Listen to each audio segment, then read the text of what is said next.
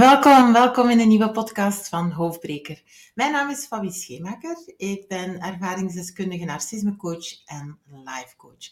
In mijn podcast neem ik jou mee in de wereld van narcisme, geef ik jou tools en inzichten hoe jij kan helen na narcistisch misbruik. Het geluk terugvinden in jezelf. Is dit mogelijk? Ja hoor. Weet, narcist of narciste die kun je niet veranderen. Maar jij wel. Help, de narcist of narciste manipuleert de kinderen. Help, mijn stiefkind of kinderen zitten nu bij de narcist en worden volledig gemanipuleerd. Help, mijn kinderen, ze verkeren zich tegen mij. Help, ik zie mijn kleinkinderen niet meer door de narcist of narciste. Dit zijn vragen die ik dagelijks tegenkom in mijn praktijk en die ik ook vaak in mijn mailbox krijg. Van harte welkom in een nieuwe podcast van Hoofdbreker. Manipulatie van een narcist of narciste met als inzet kinderen. mijn maag keert steeds als ik merk dat kinderen als tool ingezet worden. Mijn bedoeling is jou handvaten aan te reiken hoe jij hiermee kan omgaan. Het doel van deze podcast is jou inzicht te geven naar de reden waarom narcisten dit doen. Het topic kinderen en narcisten is zo complex dat ik niet alles zal kunnen aanhalen in deze podcast. Bijkomend is dit een, um, een, een bijzonder complexe materie. Narcisme en ouderverstoting, dat bestaat dus ook. Laat je hier alsjeblieft begeleiden door instanties die hierin gespecialiseerd zijn en waar ze weet hebben van de manipulatietechnieken die narcisten toepassen. Want manipulatie van een kind door een narcist of narciste gaat wederom om hun belangen en niet deze van het kind. Het kan zo ontmoedigend zijn wanneer jij te maken hebt met een manipulatieve narcist of narciste die jouw kinderen tegen jou opzet. Maar voor ik verder ga, toch nog graag even iets wat mij al een hele week bezighoudt. Het houdt mij in de ban. Ik lees zowel artikels waarbij de vraag gesteld wordt als iedereen nu narcist of narcist is, of heel de, de gemeenschap, de omgeving narcistisch is, dat deze term vaker opduikt. En als het, stellen mij dan de vraag, als het geen modewoord aan het worden is. De vraag werd mij zelfs gesteld als een narcismecoach een trend zou zijn.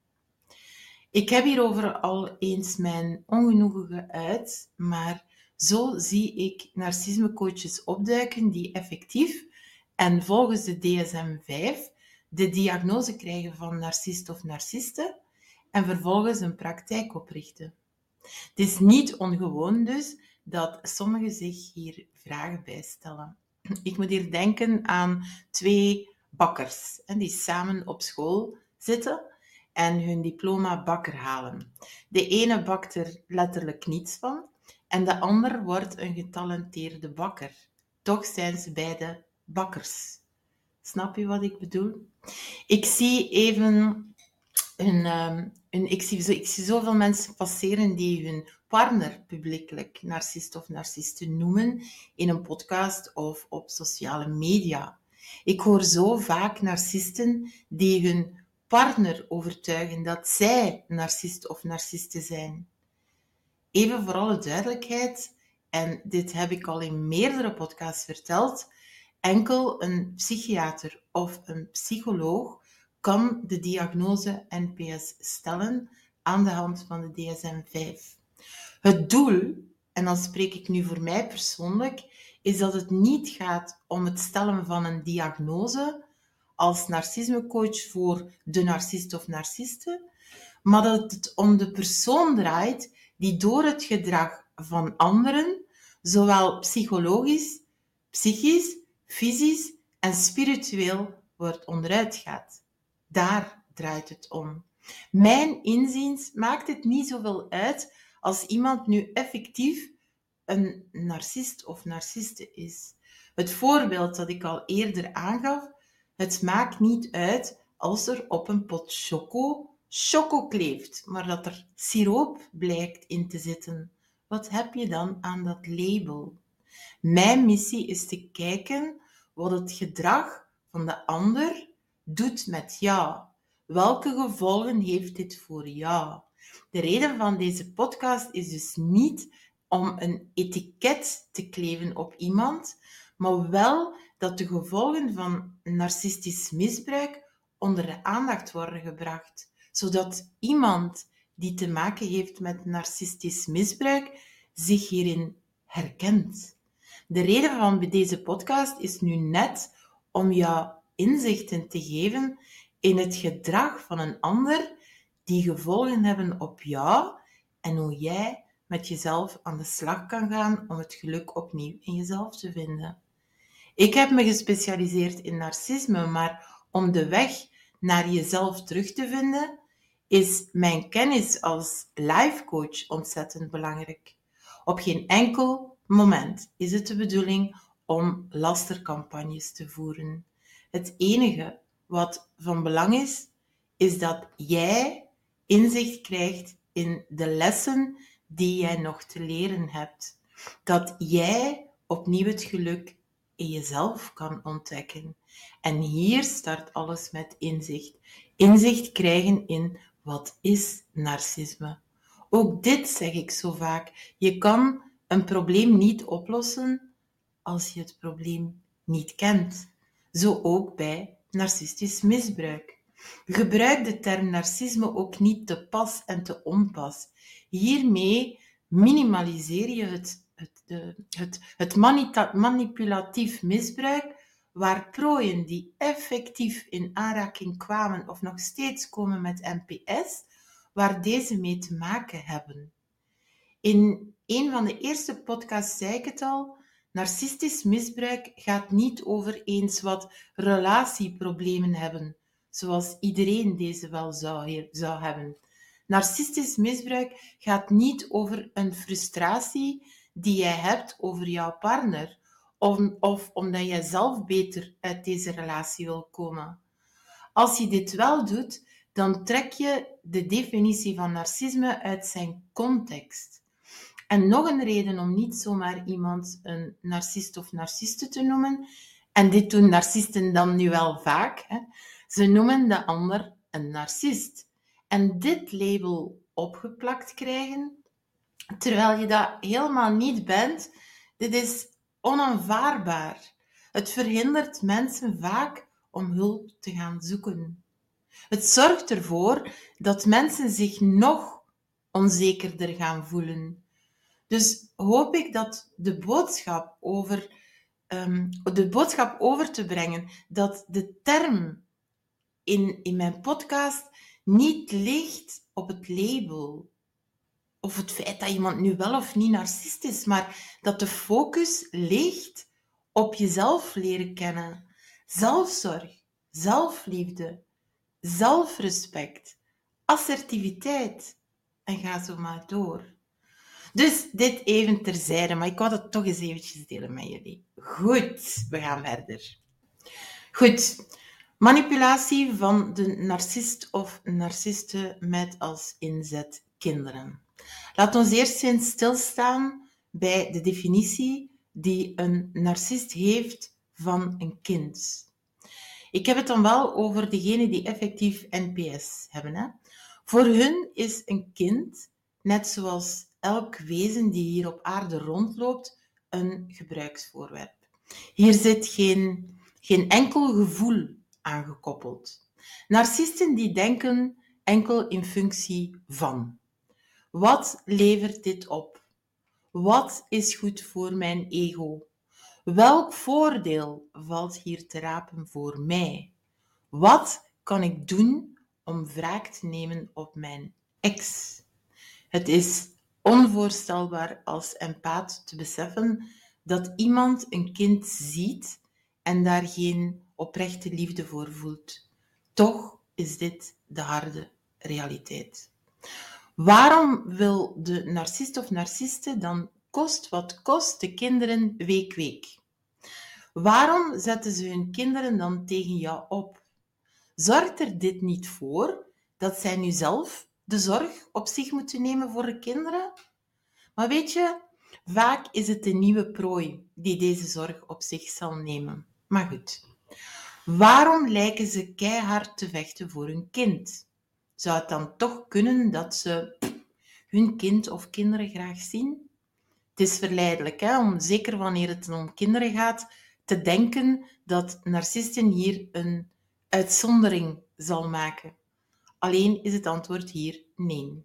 Ze maken geen uitzonderingen. Dit is wie ze zijn. Waarom zetten ze dan de kinderen tegen jou op? Waarom verhinderen ze de kinderen jou nog te zien? Waarom spelen ze deze spelletjes? Hier kunnen verschillende redenen aan de basis liggen. Ofwel doen ze dit om jou te straffen. Ze zijn zo rancuneus dat hun enige doel is jou ten gronde te krijgen. De moederliefde of vaderliefde die jij hebt, om dit aan te vallen. Voor jou voelt het aan alsof jij als vader of moeder of stiefmoeder of stiefvader wordt weggeplukt uit jouw omgeving, maar jouw wortels zitten daar nog. Je voelt je niet compleet zonder. En dit gegeven gebruiken narcisten om jou uit je kern te halen. In de podcast over het innerlijke kind had ik het hierover. Jouw wortels zijn de basis van jouw bestaan. Jouw liefde voor dit kind of kinderen behoren ook tot die wortels. Dit maakt deel uit van wie jij echt bent. En dit weten narcisten. Kinderen zijn vanuit hun oogpunt een, een joker die zij benutten om strategisch hun zelfbedacht spel te winnen. Alleen vergeten ze dit, dat dit geen spel is. Dit gaat om levende wezens. Nog een reden waarom ze dit doen: om hun imago veilig te stellen. Stel je voor dat jij te maken hebt met een verborgen narcist die ogenschijnlijk het imago heeft van eh, de vriendelijke buur of de vrouw die werkt in de buurtwinkel waar iedereen haar kent, dan zal haar imago het niet toelaten dat zij niet alleen jou, maar ook hun kinderen dumpen. Nogmaals, hier is van liefde geen sprake. Het gaat om nut. Nog een reden is dat ze, dat ze lijken te vechten voor hun kind, maar dat ze dit doen vanuit hun angst voor eenzaamheid. Zo zie je vaak dat ze tijdens de relatie weinig aandacht besteden aan het kind, maar zodra de relatie gedaan is, dan doen ze ineens dingen samen. Hebben ze wel tijd om op reis te gaan? Hebben ze ineens tijd om naar de voetbalwedstrijd van zo'n lief te gaan kijken? Of gaan ze elke zaterdag een paar uur met hun dochter naar de manege? En eentje waar vaak niet aan gedacht wordt, ook al zijn kinderen een blok aan hun been, ook al lijkt dit niet zo in bijzijn van anderen, ze kunnen een handig middel zijn om de volgende prooi aan hun te binden. Zo kan jouw baas een zielig verhaal, met een zielig verhaal aankomen dat hij dit weekend amper kon slapen omdat hij voor twee zieke kinderen moest zorgen, helemaal alleen. En vraagt hij jou als jij deze avond de kinderen zou kunnen opvangen omdat hij nood heeft aan ontspanning na een lastige nacht. Jouw narcistische baas bedoelt eigenlijk Ik zit hier met zieke kinderen en uh, ik zit daarmee opgescheept en ik heb zin om te gaan tennissen deze avond. Jij gaat deze avond voor mijn kinderen zorgen, alleen zeggen ze dat niet, maar ze denken het wel. Zo staat de narcist op een tweede date met een kind van een jaar op jouw stoep. Vertelt jou een heel verhaal over de gekke ex en hoe bezorgd zij wel zijn over dat kind. En voilà, een paar banken vooruit voor de narcist. Want jij denkt, Oh, mooi dat hij of zij zoveel van dat kind houdt en kijk wat hij er allemaal voor doet. Ze wekken vaak medelijden op. Of ze hebben jou nodig om de pampers te vervangen of eten te maken of als oppas. Nadien zal de nieuwe prooi wel ontdekken dat zij diegene zal zijn die de zorg van het kind op haar of hem natuurlijk zal nemen. We weten dat narcisten vaak, niet altijd, meerdere relaties achter de rug hebben. Mogelijk zelfs meerdere kinderen bij verschillende partners, ja, als bindmiddel natuurlijk. Dus kan jij te maken gehad hebben met stiefkinderen. Ook hier breekt mijn hart, want in dit geval word jij verplant en heb jij het gevoel dat er stukjes wortel zijn achtergebleven. Alleen zal de narcist of narciste wel duidelijk maken dat dit niet jouw wortels zijn. Je zal je eigen wortels de tijd moeten geven om opnieuw te groeien. Weten dat kinderen manipulatie ondergaan en het gevoel van machteloosheid dat jou overstelpt, dat je ze niet kan helpen, is verschrikkelijk. Voor degenen die te maken hebben of hadden met narcistisch misbruik, die begrijpen zeker wat ik bedoel. Succesvolle narcisten die geld hebben, die kopen als het ware hun kinderen. En als je dan weet dat dit helemaal niet draait om liefde, dan kan het zo frustrerend zijn wanneer jij de touwtjes aan elkaar moet knopen om jouw kinderen en jouw kinderen op deze manier gelokt worden. Wanneer het kind opgroeit, weet het ook wel wat, het bij, papa, waar, wat bij papa of wat bij mama te rapen valt. Ook dit doet de narcist of narciste om jou te pijnigen. Zo nam je alle zorgen op jou tijdens de opvoeding en van zodra jouw kind ouder wordt, voordelen ziet in de financiële luxe, lijkt iedereen te vergeten dat jij degene was die s'nachts aan het bed van het kind stond. Dat jij degene was die vrij nam van het werk om voor de kinderen te zorgen. Dat jij de Sint-feestjes organiseerde. Is iedereen, inclusief de kinderen, dit vergeten dan? Narcisten die denken wit-zwart. Weet je nog, mijn vorige podcast? Wel, ook zo wanneer het kinderen aanbelangt. Ze zitten in mijn kamp, dus ze horen niet in jouw kamp. En mochten ze in jouw kamp zitten, dan zitten ze niet in het mijne. En dat betekent dat ik niet goed ben. Ook wij durven al eens wit-zwart gaan denken. Je ex is slecht en jij bent de goeie. Maar zo merk je vaak dat een kind wel nog naar de andere ouder gaat en de andere niet. De manier waarop er gemanipuleerd wordt en hoe er geanticipeerd wordt door het kind, hangt ook sterk af van het karakter van het kind. Weet je, in een gezinsdynamiek kan er actie-reactiegedrag voorkomen, maar ook verzet. Ook kiezen kinderen soms in functie van functionaliteit. Papa woont dicht bij school en vrienden. Of mama werkt halftijds en ze heeft meer tijd om uh, mij te komen halen naar de muziekles. Zo staat deze zich te verdedigen. Stel je voor, narcissen die staan zich soms te verdedigen in de rechtszaal, spelen de liefdevolle ouder, maar bij de volgende afspraak waar de kinderen moeten opgehaald worden, stuurt deze zijn of haar kat. Zo krijg jij de kinderen niet op het afgesproken uur. De machteloosheid die jij voelt, het schuldgevoel, de eenzaamheid, dit vreet echt aan mensen. Een narcist wil een kind om zichzelf te verrijken. Ze zien een kind niet als een uniek persoon. Als hun kind slim is, dan ben je als niet-narcistisch persoon trots op jouw kind. Maar je neemt, niet de, dit, je neemt dit niet als persoonlijk, persoonlijk voor een vervulling van jouw behoefte. Uiteraard ben je trots, maar het gaat over het kind.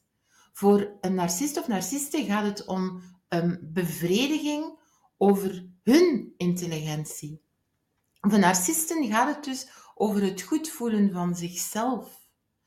Ze hebben zich ook een beeld gevormd, een, een fantasie gemaakt, hoe ze normaal kunnen, normaal te zaakjes, kunnen zijn. En elke dag werken ze aan die fantasie. En zodra die zeepbel openspat en ze het met hun partner opnieuw hebben verprutst, kan het dat ze vasthouden aan dat kind om de schaamte die onderliggend bij hun zit te verbergen via kinderen. Narcisten kunnen ook vasthouden aan hun kind om de buitenwereld te bewijzen dat zij geen slecht persoon zijn. Dat jij de slechte ouder of stiefouder bent. Stel je voor dat door de kinderen bij jou weg te houden, ze te manipuleren, dat ze volledig voor de narcist of narciste kiezen, dan voedt dit het beeld die zij gecreëerd hebben naar de buitenwereld. Kijk nu, ha, mijn kinderen kiezen voor mij, hoe kan ik dan slecht zijn? Wederom draait het om wat de buitenwereld van hun denkt. En dit vaak vanuit schaamte en onzekerheid die zij diep van binnen achter dat masker verbergen. Vaak ligt er bij narcisten ook een probleem in zaken hechtingstijlen. Dit is zo'n interessant topic, ook voor jou als prooi, want de manier waarop jij gehecht bent tijdens jouw jeugd bepaalt zoveel over hoe jij in relaties tot anderen staat. In mijn beleving staan jouw normen en waarden op nummer 1, maar onderschat niet het belang van de manier waarop jij gehecht bent. Hoe perfecter een kind is, hoe meer het kind aanleunt bij het imago van de narcist of narciste, hoe meer ze als een bezetenen dat kind gaan toe-eigenen. En weet je, een kind vertrouwt op een ouder. En het gevoel dat de narcist heeft wanneer een kind aanhankelijk en afhankelijk is van hem of haar, dit sterkt hun overtuiging dat zij belangrijk zijn en het geeft hun een gevoel van superioriteit, controle en macht.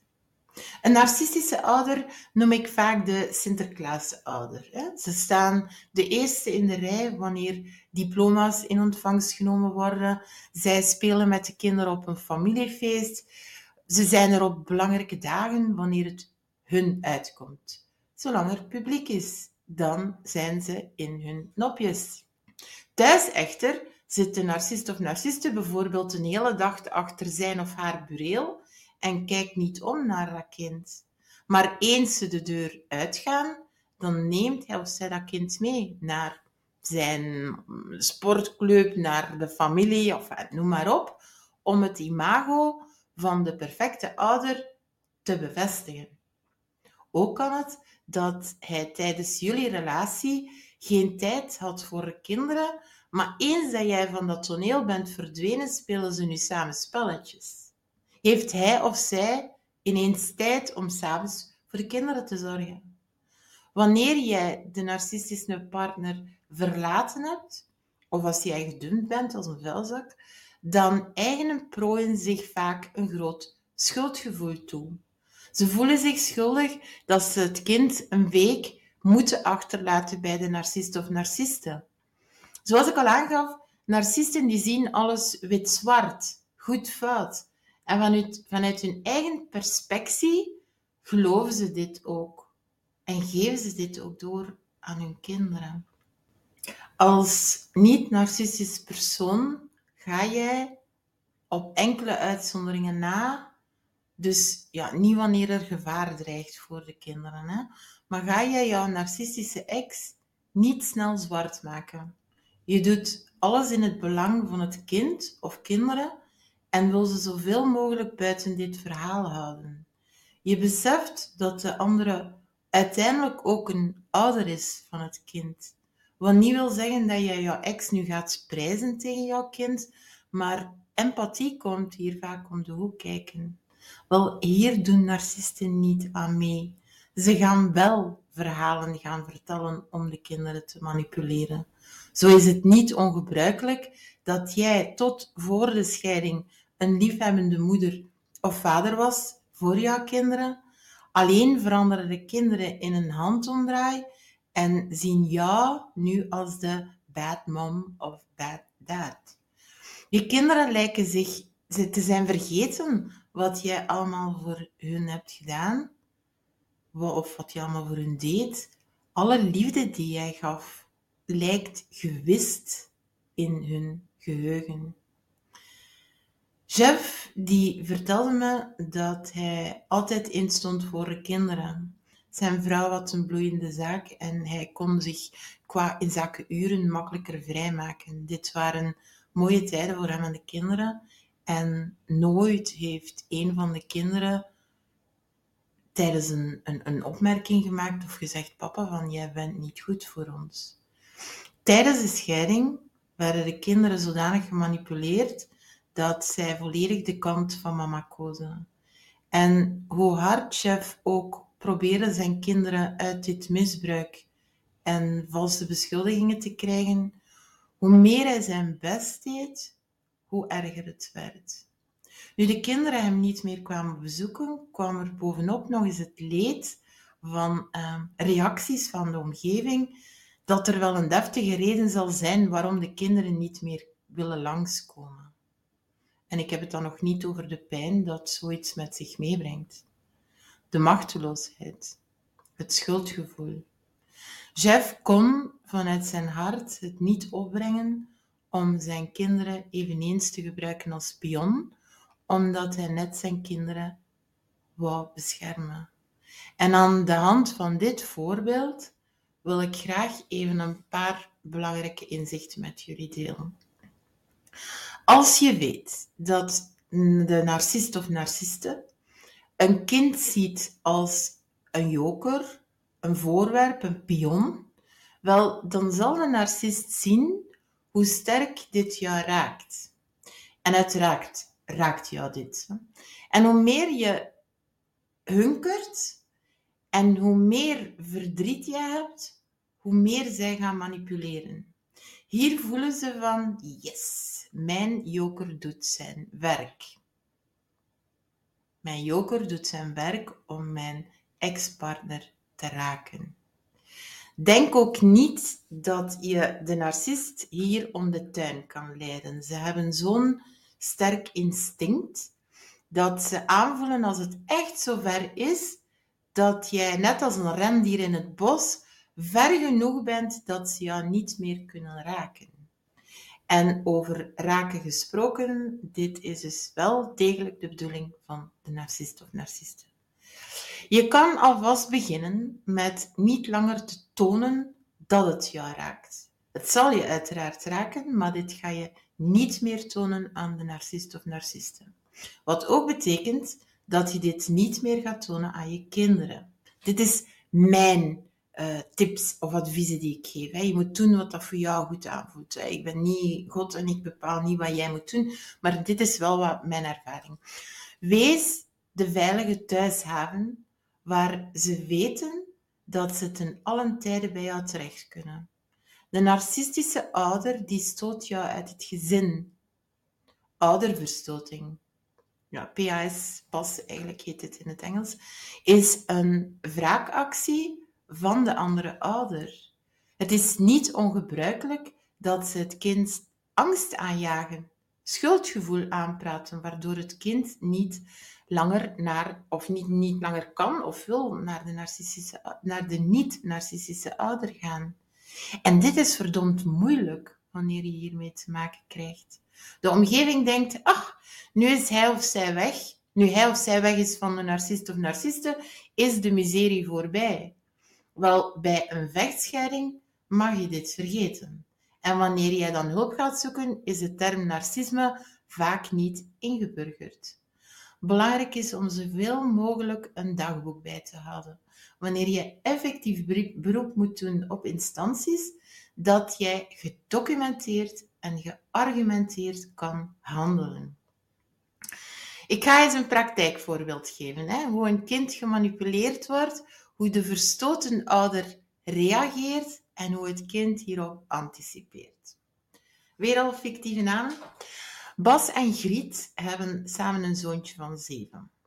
Griet is in dit voorbeeld de narciste. De, de en dat is ook de reden trouwens waarom, waarom Bas vertrokken is bij haar.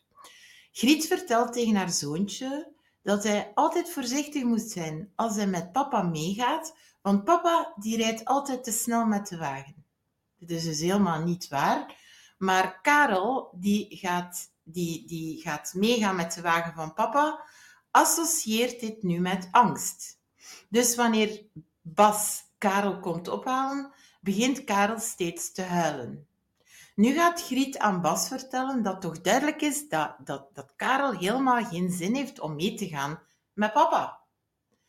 Bas die wordt boos tegen Griet. Karel die ziet nu papa boos worden en hij wil nu helemaal niet meer mee met Bas. Griet die weigert Karel nog mee te geven met Bas, dus Bas die neemt een, neemt advocaat in de hand. Griet is hier helemaal niet happy mee en is wraakzuchtig. Karel die voelt de angst bij mama en associeert opnieuw angst met papa.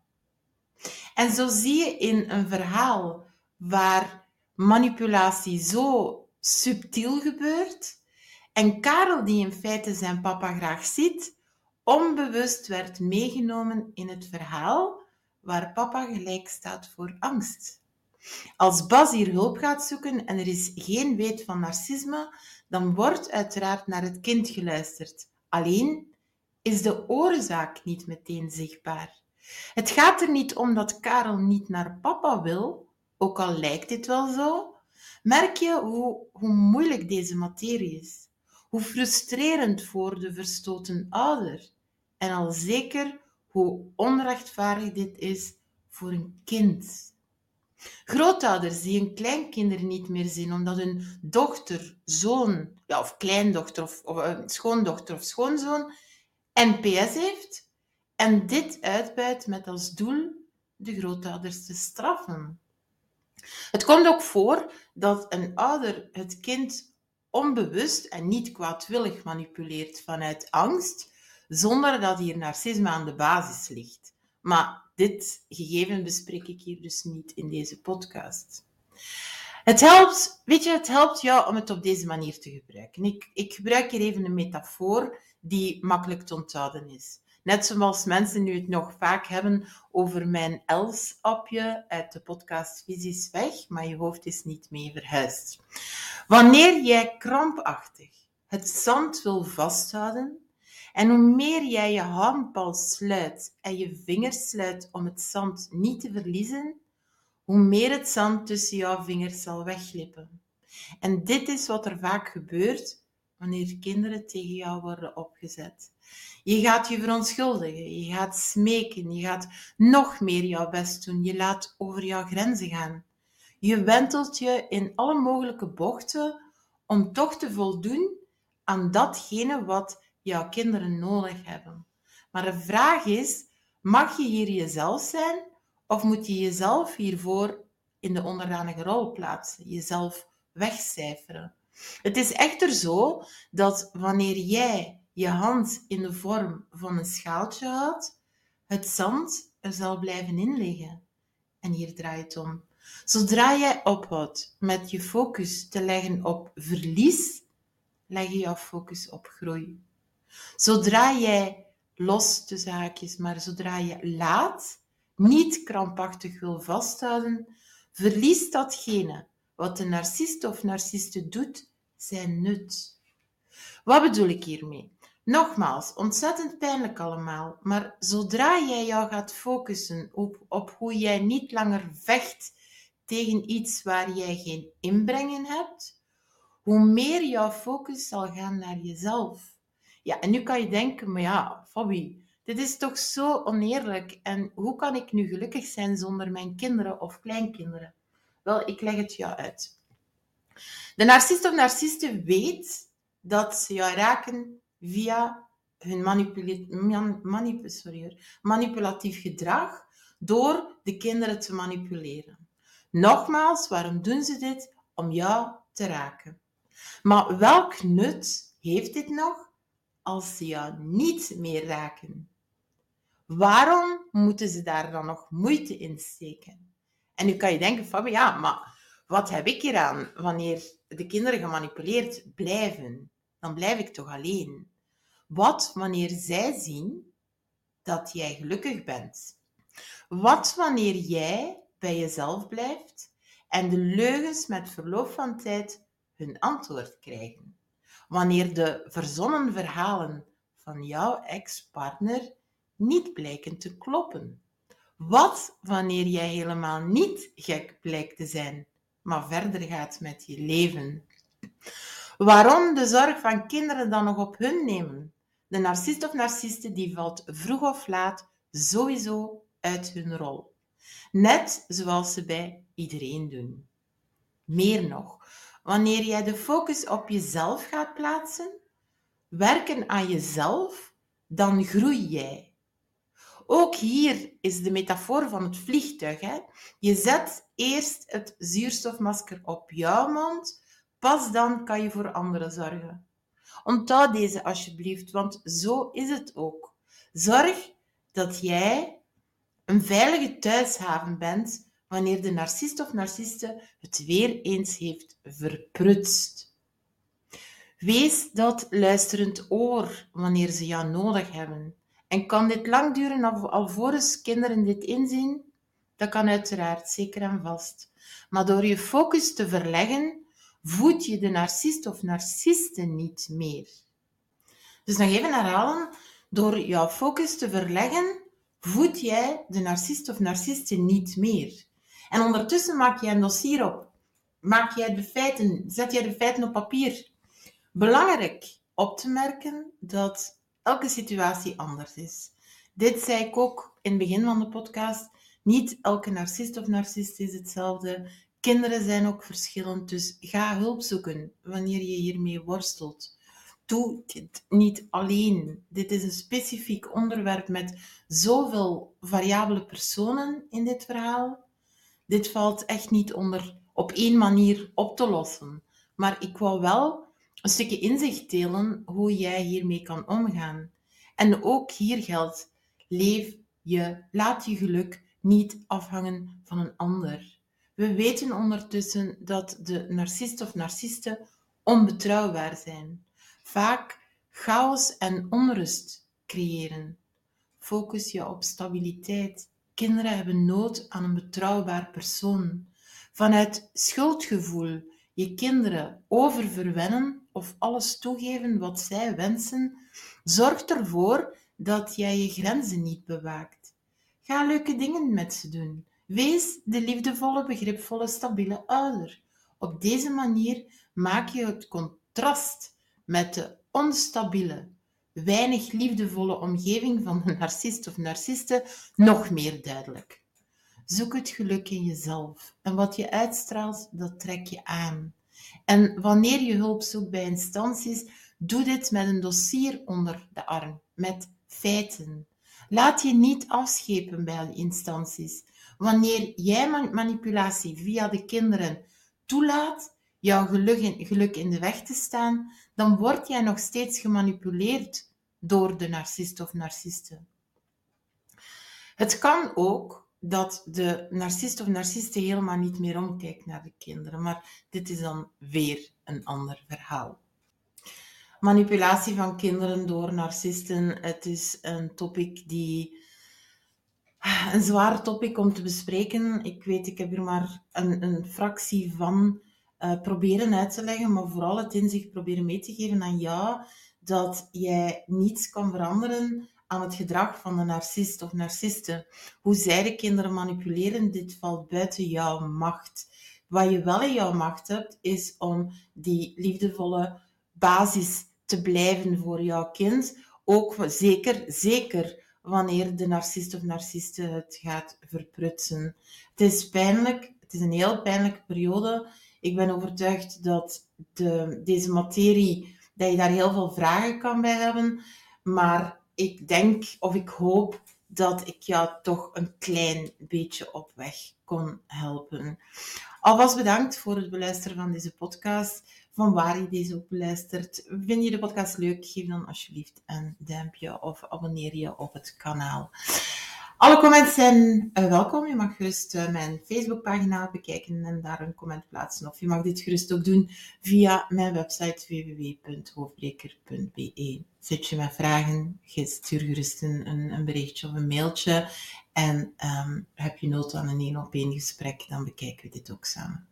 Voor nu, dankjewel voor het beluisteren en tot de volgende. Weet, de narcist of narciste die kan je niet veranderen, maar jij wel. Dit was het voor vandaag en ik eindig mijn podcast altijd met een quote. En de volgende quote is: Je hebt geen controle op de manipulatie van de narcist of narciste, maar je hebt wel controle die liefdevolle ouder te zijn die jij echt bent. Dankjewel voor het beluisteren. Bye.